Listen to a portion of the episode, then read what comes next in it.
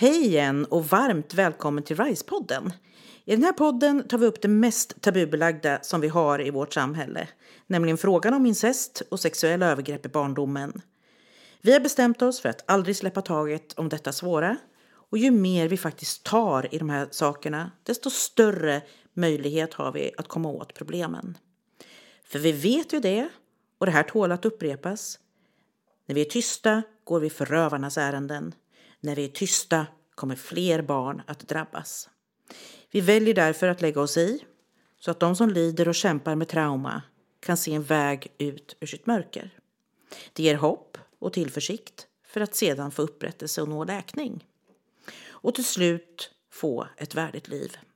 Förhoppningsvis kommer den här podden att hjälpa just dig som behöver höra att du inte är ensam och att det finns stora möjligheter trots allt. För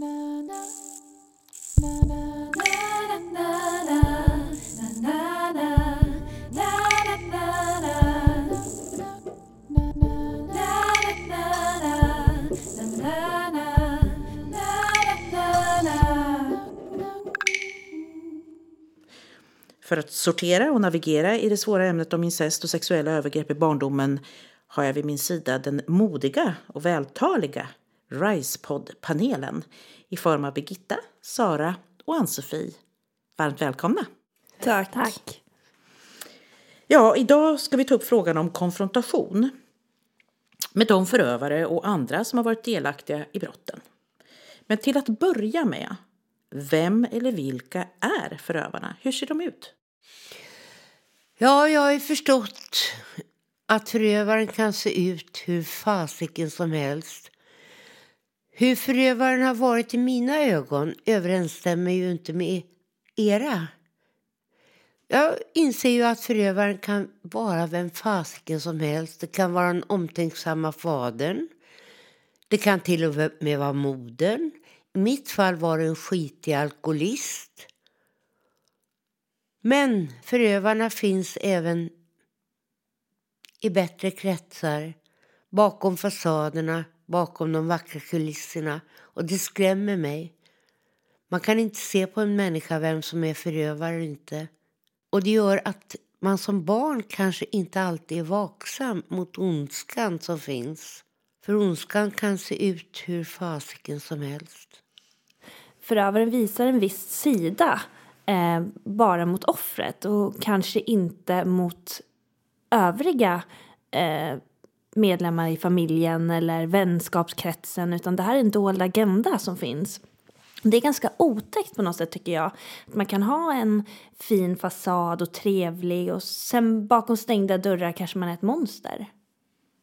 Så, så för mig är det en förövare en person med två olika ansikten. För att den är inte sann mot sig själv, mot samhället, utan den, den, den, den, vis, alltså den visar inte en hela, hela sig.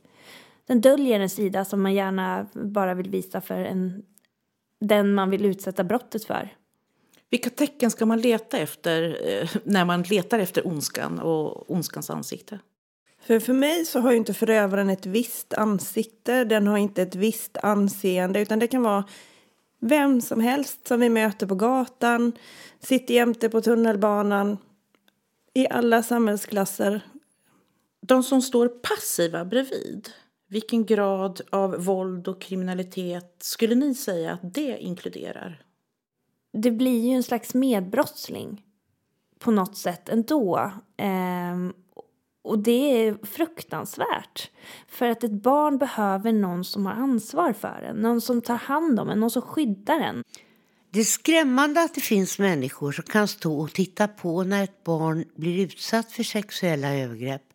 Och för mig framstår de som ännu mer skrämmande än själva förövaren.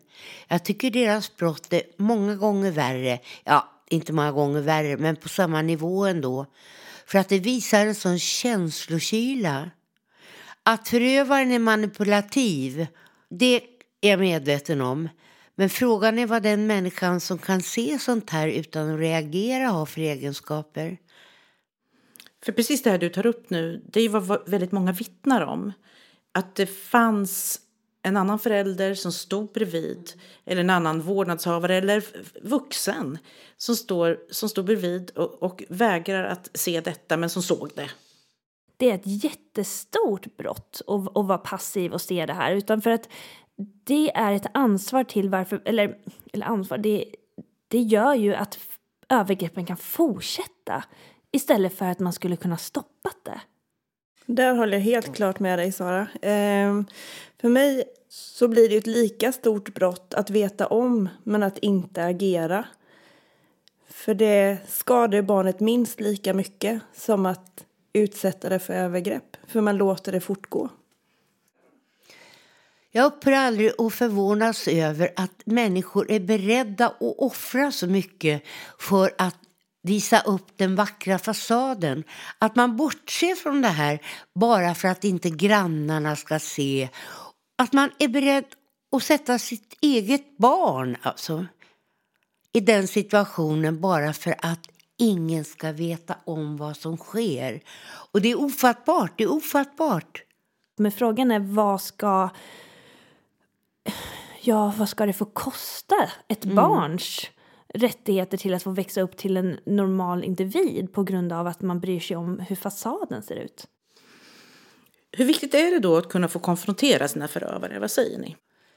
För mig är konfrontationen oerhört viktig. Hur en förövaren ser ut när en övergreppet har skett så tror jag att varje människa måste konfrontera sig själv med verkligheten för att någon gång kunna göra avslut.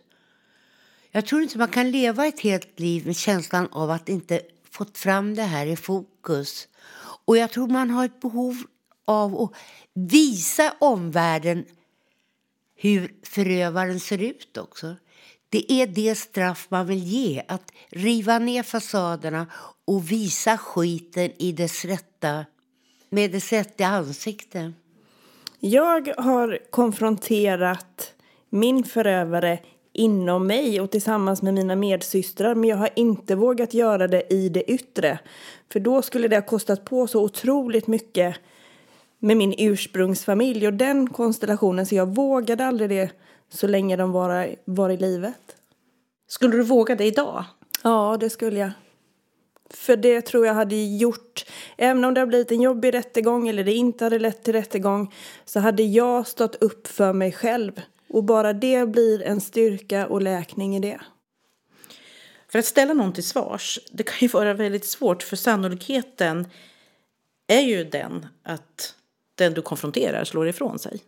Och då blir du utnyttjad igen eller övergreppad igen eller vad vi ska säga i slutändan är det jag som ska gå och lägga mig på kvällen och jag som ska gå upp på morgonen och då är det viktigt att mina värderingar är viktiga. Och för mig har alltid rätt och fel varit otroligt viktigt och att gå den rätta vägen och stå upp för vem man är är någonting som är viktigt för mig. Det liksom sitter i min själ och i, i vem jag är. Och eh, så för mig är en konfrontation på det sättet att stå upp för vad som är rätt och vad som är fel. Sen är det skittufft att det kan vara någon som man känner, någon som man står väldigt nära, som kommer bli väldigt berörd och ledsen över det valet som jag gör i mitt liv. Och det är skit, det är skittufft, det är det. Men en konfrontation är avgörande för att visa vem man är. Men kan motståndet du eventuellt möter och faktiskt sannolikt möter leda till än mer trauma? Absolut. Eh, och det har man ju hört talas om många som har tagit det till rättegång och inte blivit trodda, de har blivit ifrågasatta och då kommer det skulden och skammen tillbaka. Jag tror att även om du har jobbat hårt med det så blir du ändå påverkad för någonstans så blir det en liten regression i sig själv. Tillbaka till, ja men det här hände och ja, att man lägger på sig lite skuld och skam igen. Så där tror jag det är toppen viktigt att man verkligen har ett starkt nätverk runt omkring sig om man ska våga göra det. Så att man håller hela vägen ut. Där tycker jag att samhället har ett väldigt stort ansvar också. Man behöver inte gå längre än till en rättegångssal idag när en våldtagen kvinna blir nedsablad för att hon har korta kjolar, för att hon sminkar så vidare. Då läggs skulden på henne.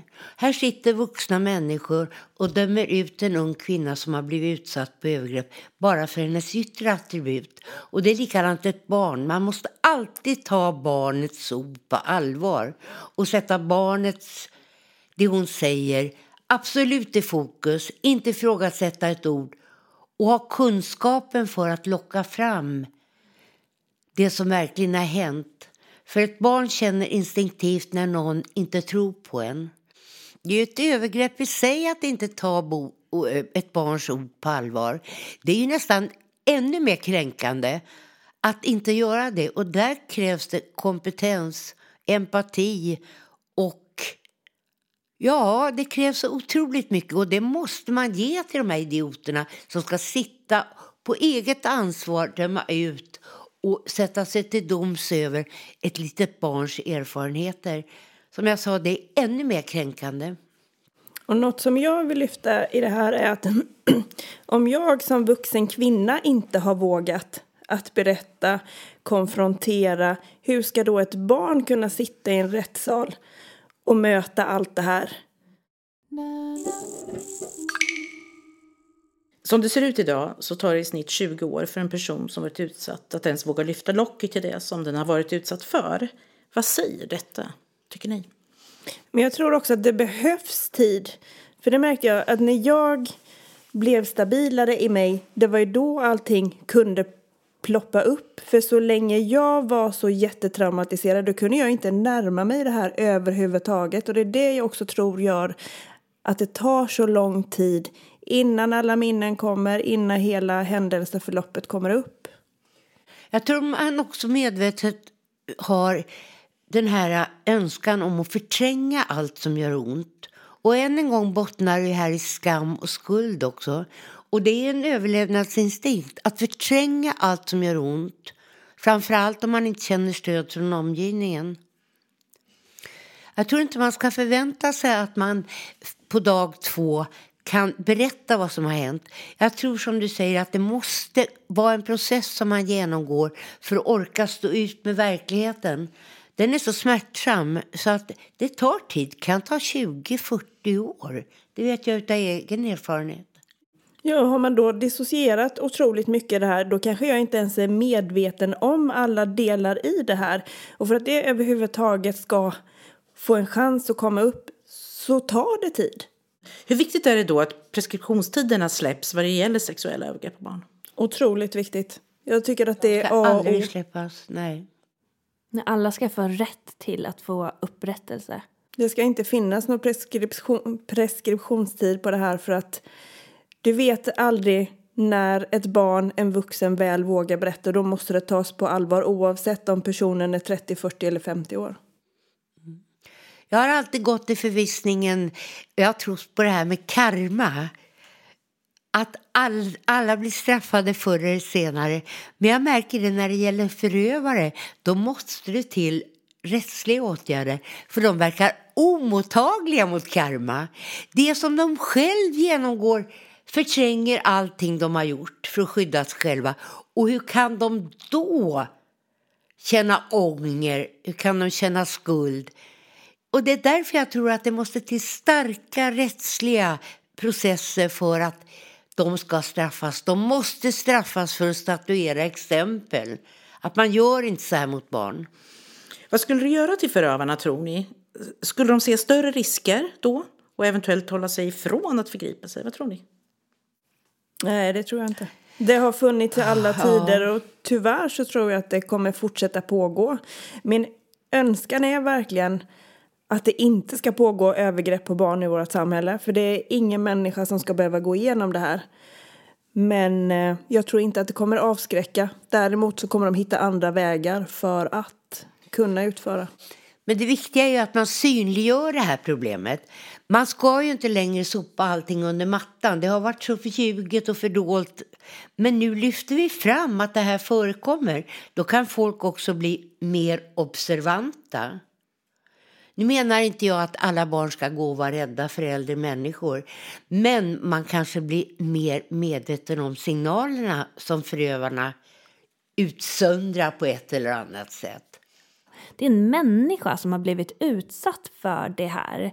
Och, och det är liksom så otroligt viktigt att vi tar upp, alltså att man inte glömmer bort det liksom. Att man är kött och blod, man har hår på huvudet, man skrattar, man har ögon. Alltså, för mig är det här liksom en självklarhet att man ska liksom jobba med och säga till när man ser någonting. Jag, jag ville bara starkt bara lägga in det här liksom att när man har varit med om tuffa grejer så glömmer man bort det väsentliga att man faktiskt är en människa och man har behov och man har längtan och man har drömmar.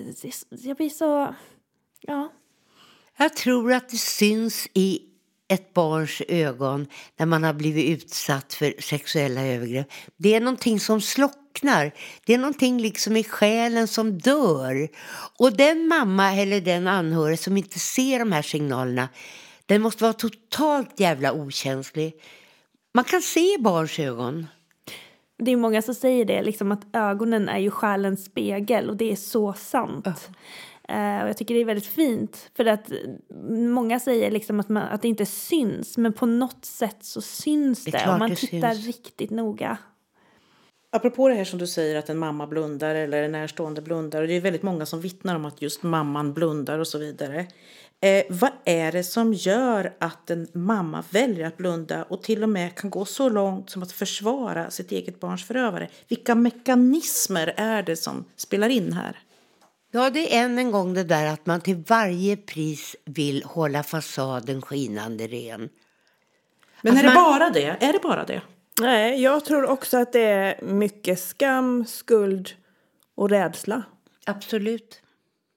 Jag, jag tror också att det är så otroligt mycket smärta.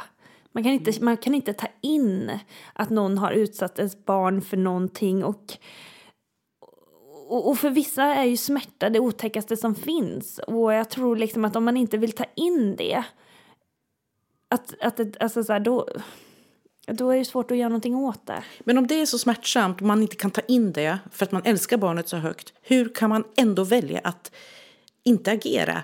Är det verkligen kärlek? Nej, alltså för, för mig, det där är så intressant. Det är ju liksom någonting man själv måste bearbeta. Man måste ju antagligen tro att smärtan är det mest otäckaste som finns, att man inte ens vill ta i det. Men bakom smärtan så finns ju kärleken. Jag vill också lägga till en aspekt i det här. För i många fall så går det generationer tillbaka. Och hur påverkar det den kvinnan som väljer att inte agera? Vad har hon fått för bemötande som barn? Och hur, ja, hur har det påverkat henne? Och vad är det för man hon har valt? Är det någon som verkligen har tryckt ner henne så otroligt i skorna? Har, har hon någon självkänsla, någonting kvar? Man behöver inte gå längre till misshandlade kvinnor. De går ju ofta tillbaka till samma typ av män som de varit ihop med tidigare.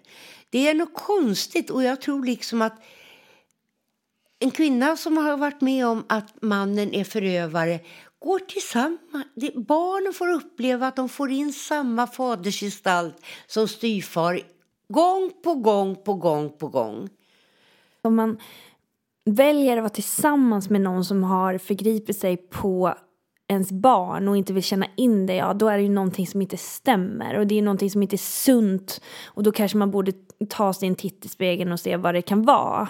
För att det är ju ingen som Alltså det är ju inget kärleksfullt med det överhuvudtaget. Då har man ju kommit bort ifrån det här äh, moderliga.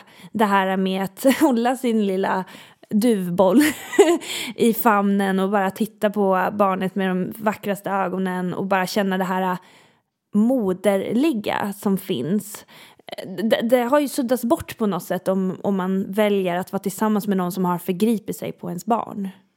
Det som du pratar om nu eh, gör att jag kommer att tänka på just det som många berättar om att de får höra när de pratar med sin mamma eller någon annan för att konfrontera, för att berätta, för att vara i sanningen så får de höra att de själva är problemet, att de är sjuka, att de är störda. Men det du säger nu, Sara, är att det är någonting som är stört och osunt här. Hur går den här ekvationen ihop?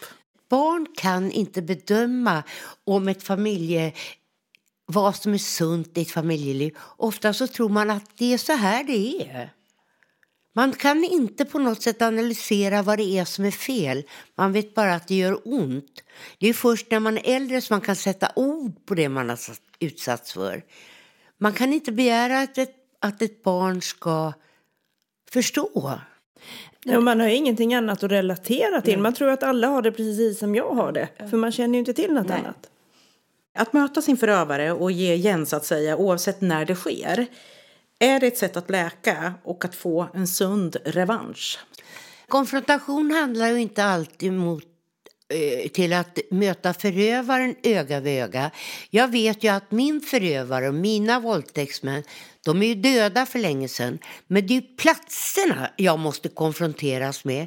Jag måste kunna liksom konfrontera Östgötagatan med det jag upplevde. Jag måste uppleva Björns trädgård med vad jag upplevde där. Och det har inte jag kunnat gjort hittills. Men jag inser att innan jag dör så måste jag ta tag i det här. Jag kan inte liksom leva med det traumat. Jag tycker jag är hel för övrigt. Men just att kunna gå förbi Östgötagatan utan att bli svettig, utan att darra. Och kunna passera Björns trädgård utan att påminnas om vad jag upplevde där. det är ju en person som har valt att göra de här sakerna och, och det är så viktigt att lägga tillbaka det ehm, lägga tillbaka det ansvaret på den personen utan det här är en vuxen person som har valt att ta det här klivet, att ta det här beslutet. Utan det här är ju, och, och då är det ju viktigt också att stå för de valen, stå för de konsekvenserna som händer. Jag, jag tycker det är viktigt. För det här pratar jättemånga om, att det är så viktigt att förövaren får ta sitt ansvar, precis som du lyfter här. Vad säger ni andra om det?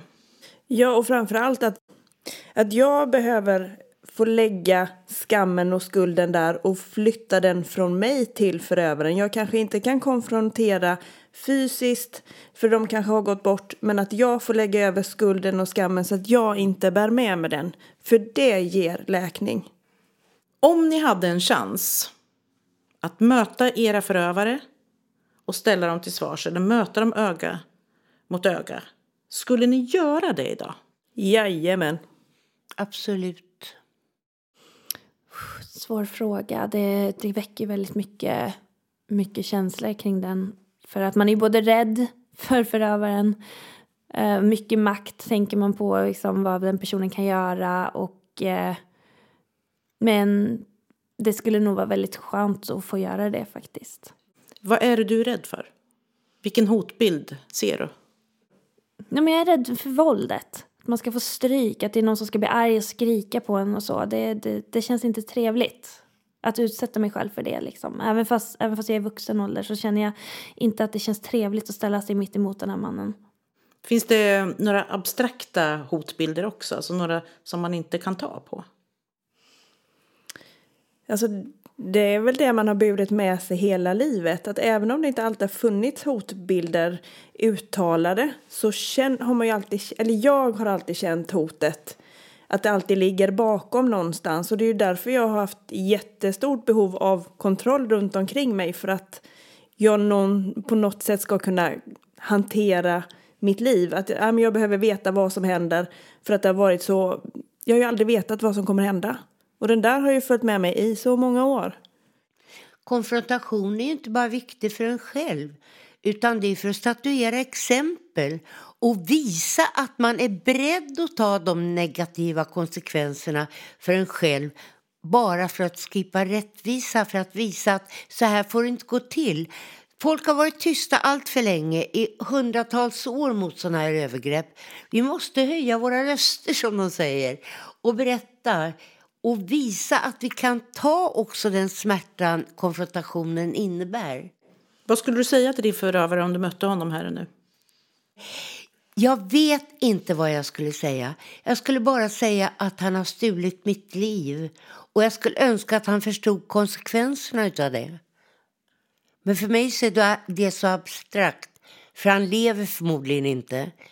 Men jag vill överföra den känslan till andra våldtäktsmän och få dem att förstå att det, de tar inte bara en oskuld, de tar en hel människas liv.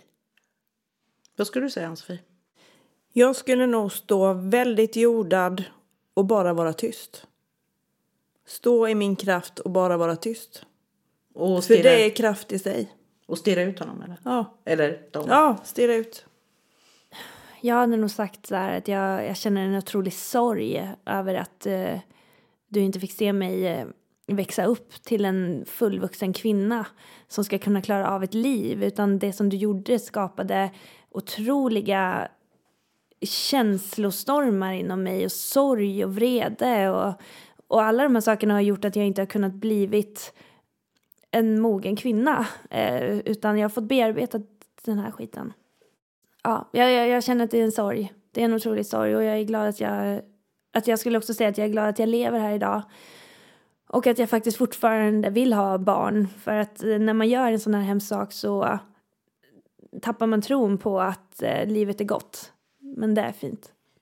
Men är en väldigt viktig del av läkningen skulle ni säga att konfrontera? Absolut. Att göra detta? Absolut. Ja, jag har gjort det på mitt vis. Jag har skrivit av mig och konfronterats på det sättet. Och det gjorde jättemycket för min inre läkning just för att där och då och framöver så la jag också över skulden och skammen där den hörde hemma. För den är banne mig inte min att bära. Och har aldrig varit.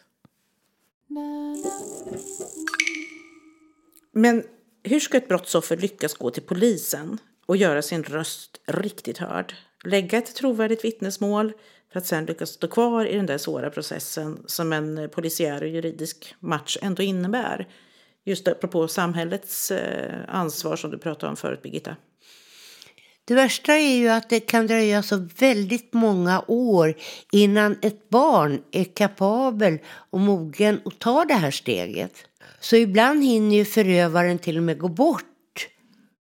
Skulle det räcka ibland att få den som fanns där som någon som skulle vara ankaret, en mormor, farmor, framförallt mammorna som många pratar om, skulle det räcka att få deras eh, bekräftelse, att man får konfrontera dem?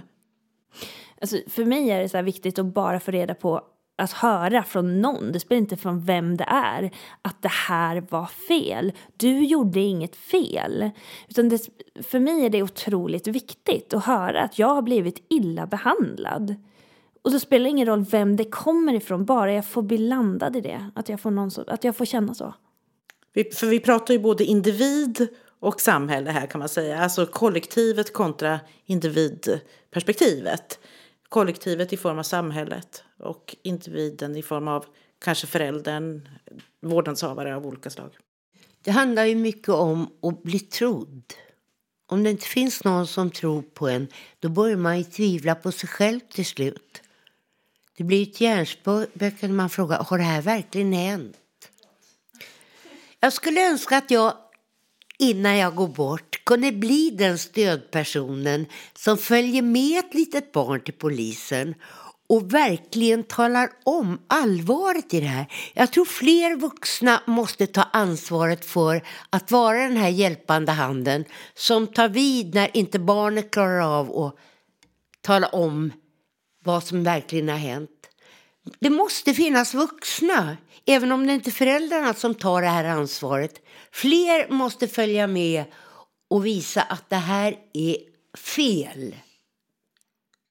Jag tror att eh, som ett vuxet barn, om jag nu får uttrycka mig så, så är det minst lika viktigt att ha ett otroligt stöd runt omkring det för att orka. För jag skulle aldrig ha orkat göra det själv kan jag säga. Nej, och det är det jag är inne på lite grann. För som brottsoffer ligger du liksom alltid steget efter förövaren. Eller du ligger ner och du har kanske svårt att uttrycka dig. Och man ska ha en verbal förmåga och man ska ha viktiga vittnesmål. Att vara utsatt för sexuella övergrepp är så otroligt smärtsamt och jobbigt och det är det här som man måste bära med sig. Och sen då när man ska få hjälp av polis och alla de här sakerna så är det så otroligt viktigt att man blir betrodd. För att om man inte blir betrodd i just det skedet så kan det faktiskt vara så att det blir så katastrofalt att du går in i dig själv igen och bara lägger ner allting för att du har mött så många motgångar i ditt liv att du inte orkar. Och jag tror att det är jätteviktigt att man har en stödperson med sig. Alltså, för är det så att man börjar dissociera i ett polisförhör så kan man ju uppfattas som väldigt svängig och kantig och man inte får ihop allting. Men har man då en person med sig som förstår vad det här innebär och kan förklara att varför blir det så här så tror jag att då blir det också mer trovärdiga vittnesmål som är så, också så viktigt. Ja, för det är ju ofta teknisk bevisning inte finns i de här fallen. Men det är också vad målsägande beträdet ska göra, följa med och föra en talan. Men de inte ens klarar det. Vart står vi då i samhället? Har de ens kunskap om det här? Förstår de tecken hur en människa mår efter sexuella övergrepp och hur de ska föra deras talan? Jag tror att den här stödpersonen måste komma in i ett mycket tidigare skede än vid en eventuell rättegång. Den stödpersonen måste komma in för att överhuvudtaget kunna få den som har utsatts för övergrepp att våga prata. Att våga berätta. Och det är inte mamman eller pappan eller förövaren utan det är någon helt utomstående med stor kompetens. Och det ska vara skolans uppgift i mångt och mycket att vara lyhörd för de här signalerna och vända sig till de här människorna. Vill du prata med den här ungdomen, ungen och se om det är någonting i familjen som inte stämmer? För man ska inte tro att ungen vänder sig till någon och säger hjälp mig, hjälp mig. Det måste vara någon ovanför deras familjesfär som har ögon för att någonting är fel. Är det den yttersta konfrontationen skulle ni säga? Att lyckas dra förövaren inför rätta, att få den anhållen, häktad och hela eh, bidevitten så att säga. Och sen att den kommer till åtal. Det blir en fällande dom. Är det den yttersta konfrontationen? Den yttersta konfrontationen handlar om att man någon gång måste få bli helt som människa. Man Ja. måste helt enkelt för sin egen skull göra det här även om det är svårt och hur lång tid det än tar.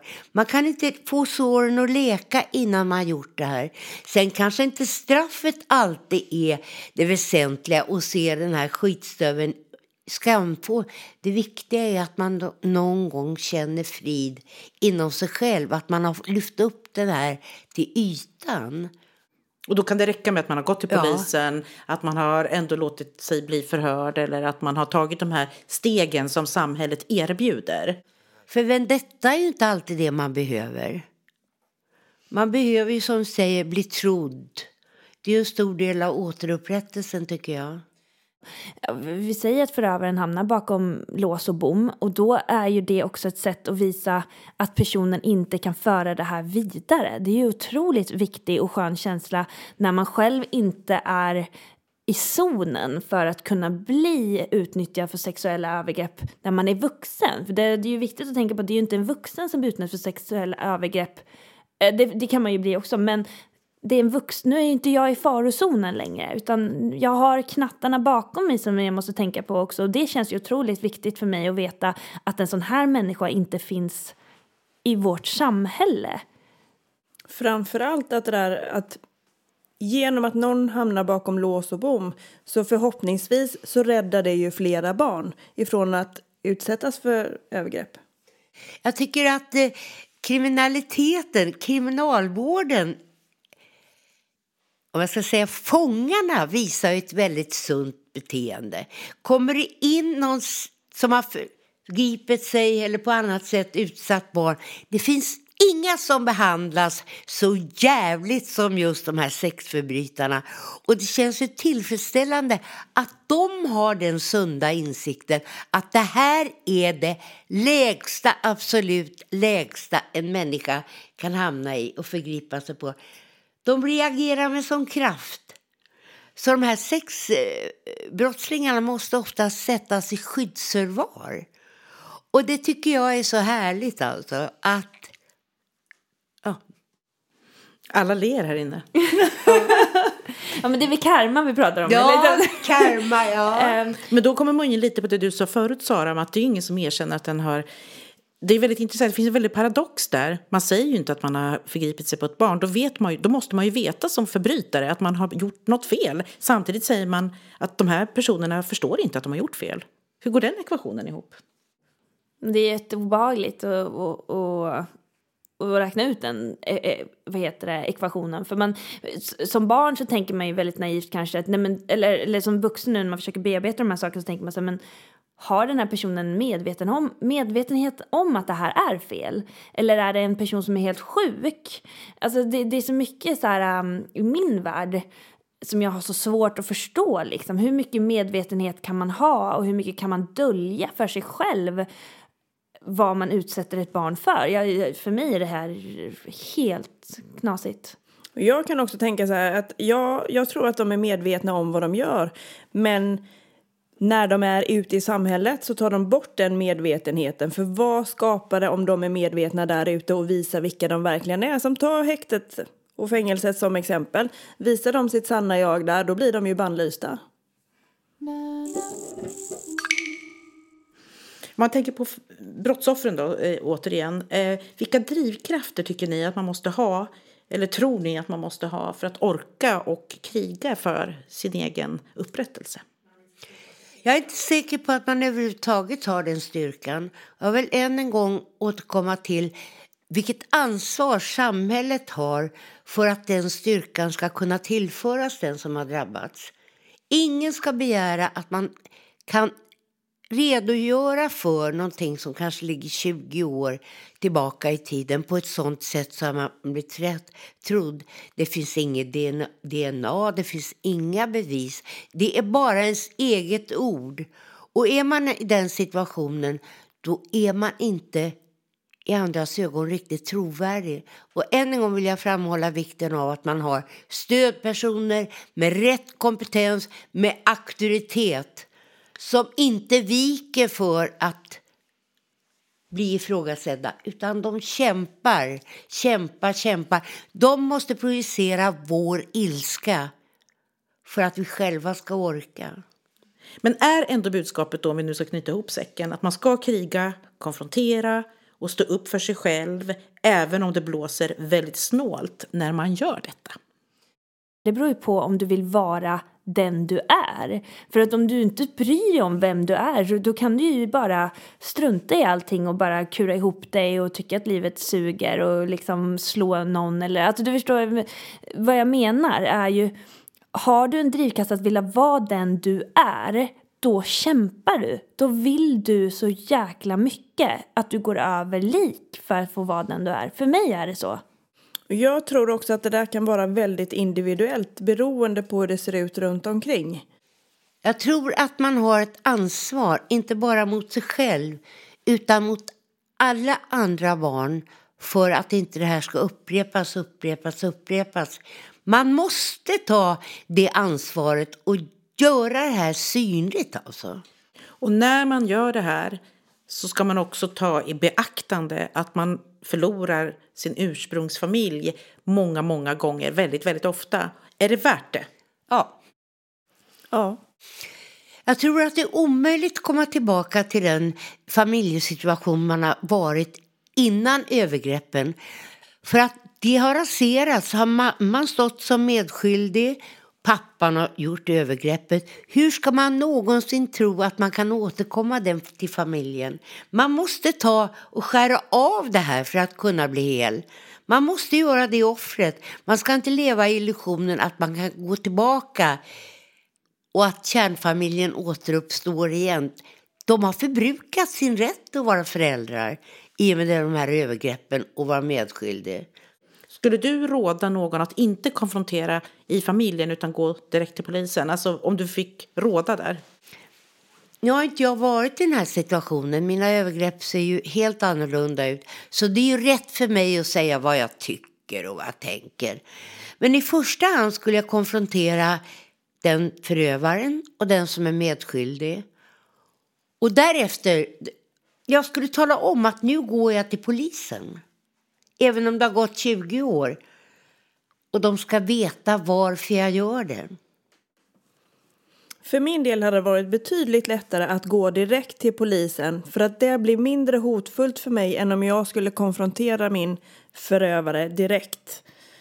Eh, det ger mig ändå en känsla av trygghet. Vad är det egentligen som är viktigt i kärnfamiljen? Är det fasaden eller är det att mitt barn mår bra? Jag vill ju hävda att man har förbrukat sin rätt att vara förälder om man har varit med om att ens barn får genomlida det här. Jag tycker liksom inte det finns det minsta förbärmande för att de ska slippa undan rättsskipa. Inte alls. Men summan av kardemumman helt enkelt är konfrontation är bättre än att leva med det här och bära det här. Ja, absolut. Det måste ju ut. Ja, det behöver lyftas på bordet. Även om det gör ont, det måste ut. Det är många frågor som väcks. Det kan vi konstatera i alla fall. Och ni är sannoliken till stor hjälp när ni delar med er. Sätter ljuset på de här svåra tabubelagda ämnena. Och det finns otroligt mycket mer att säga såklart. Men nu måste vi tyvärr för den här gången sätta punkt. Stort varmt tack till er alla tre. Sara, Birgitta och Ann-Sofie. Er ärlighet och öppenhet är ovärderlig. Tack ska ni ha. Tack. Tack. Och med det så lämnar jag över nu till Hermine Holm som är verksamhetsansvarig på RISE. Hon ska reflektera lite grann över det vi har talat om.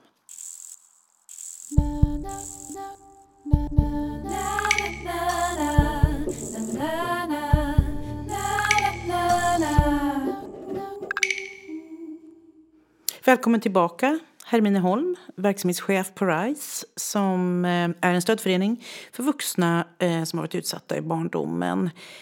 Detta med konfrontation, Hermine, är ju oerhört svårt och stort. Vad säger du? Ja, men man kan väl säga att för den, det barn som har utsatts för sexuella övergrepp i barndomen så tas ju indirekt rätten till egna gränser bort. Någon talar om att du inte har rätt till dem eh, och vi ser ju att det får konsekvenser för hela livet. Med stora problem med gränslöshet, både gentemot andra och i förhållande till sig själv. Eh, och då kan ju ett stort arbete i den läkningen bli att återupprätta sunda gränser. Eh, och i det arbetet så kan ju konfrontationer av olika slag bli väldigt viktigt.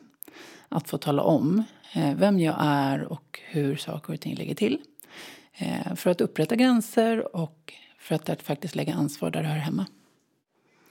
Det här är väldigt svårt och det behöver man ju hjälp med. Hur ska man hantera det?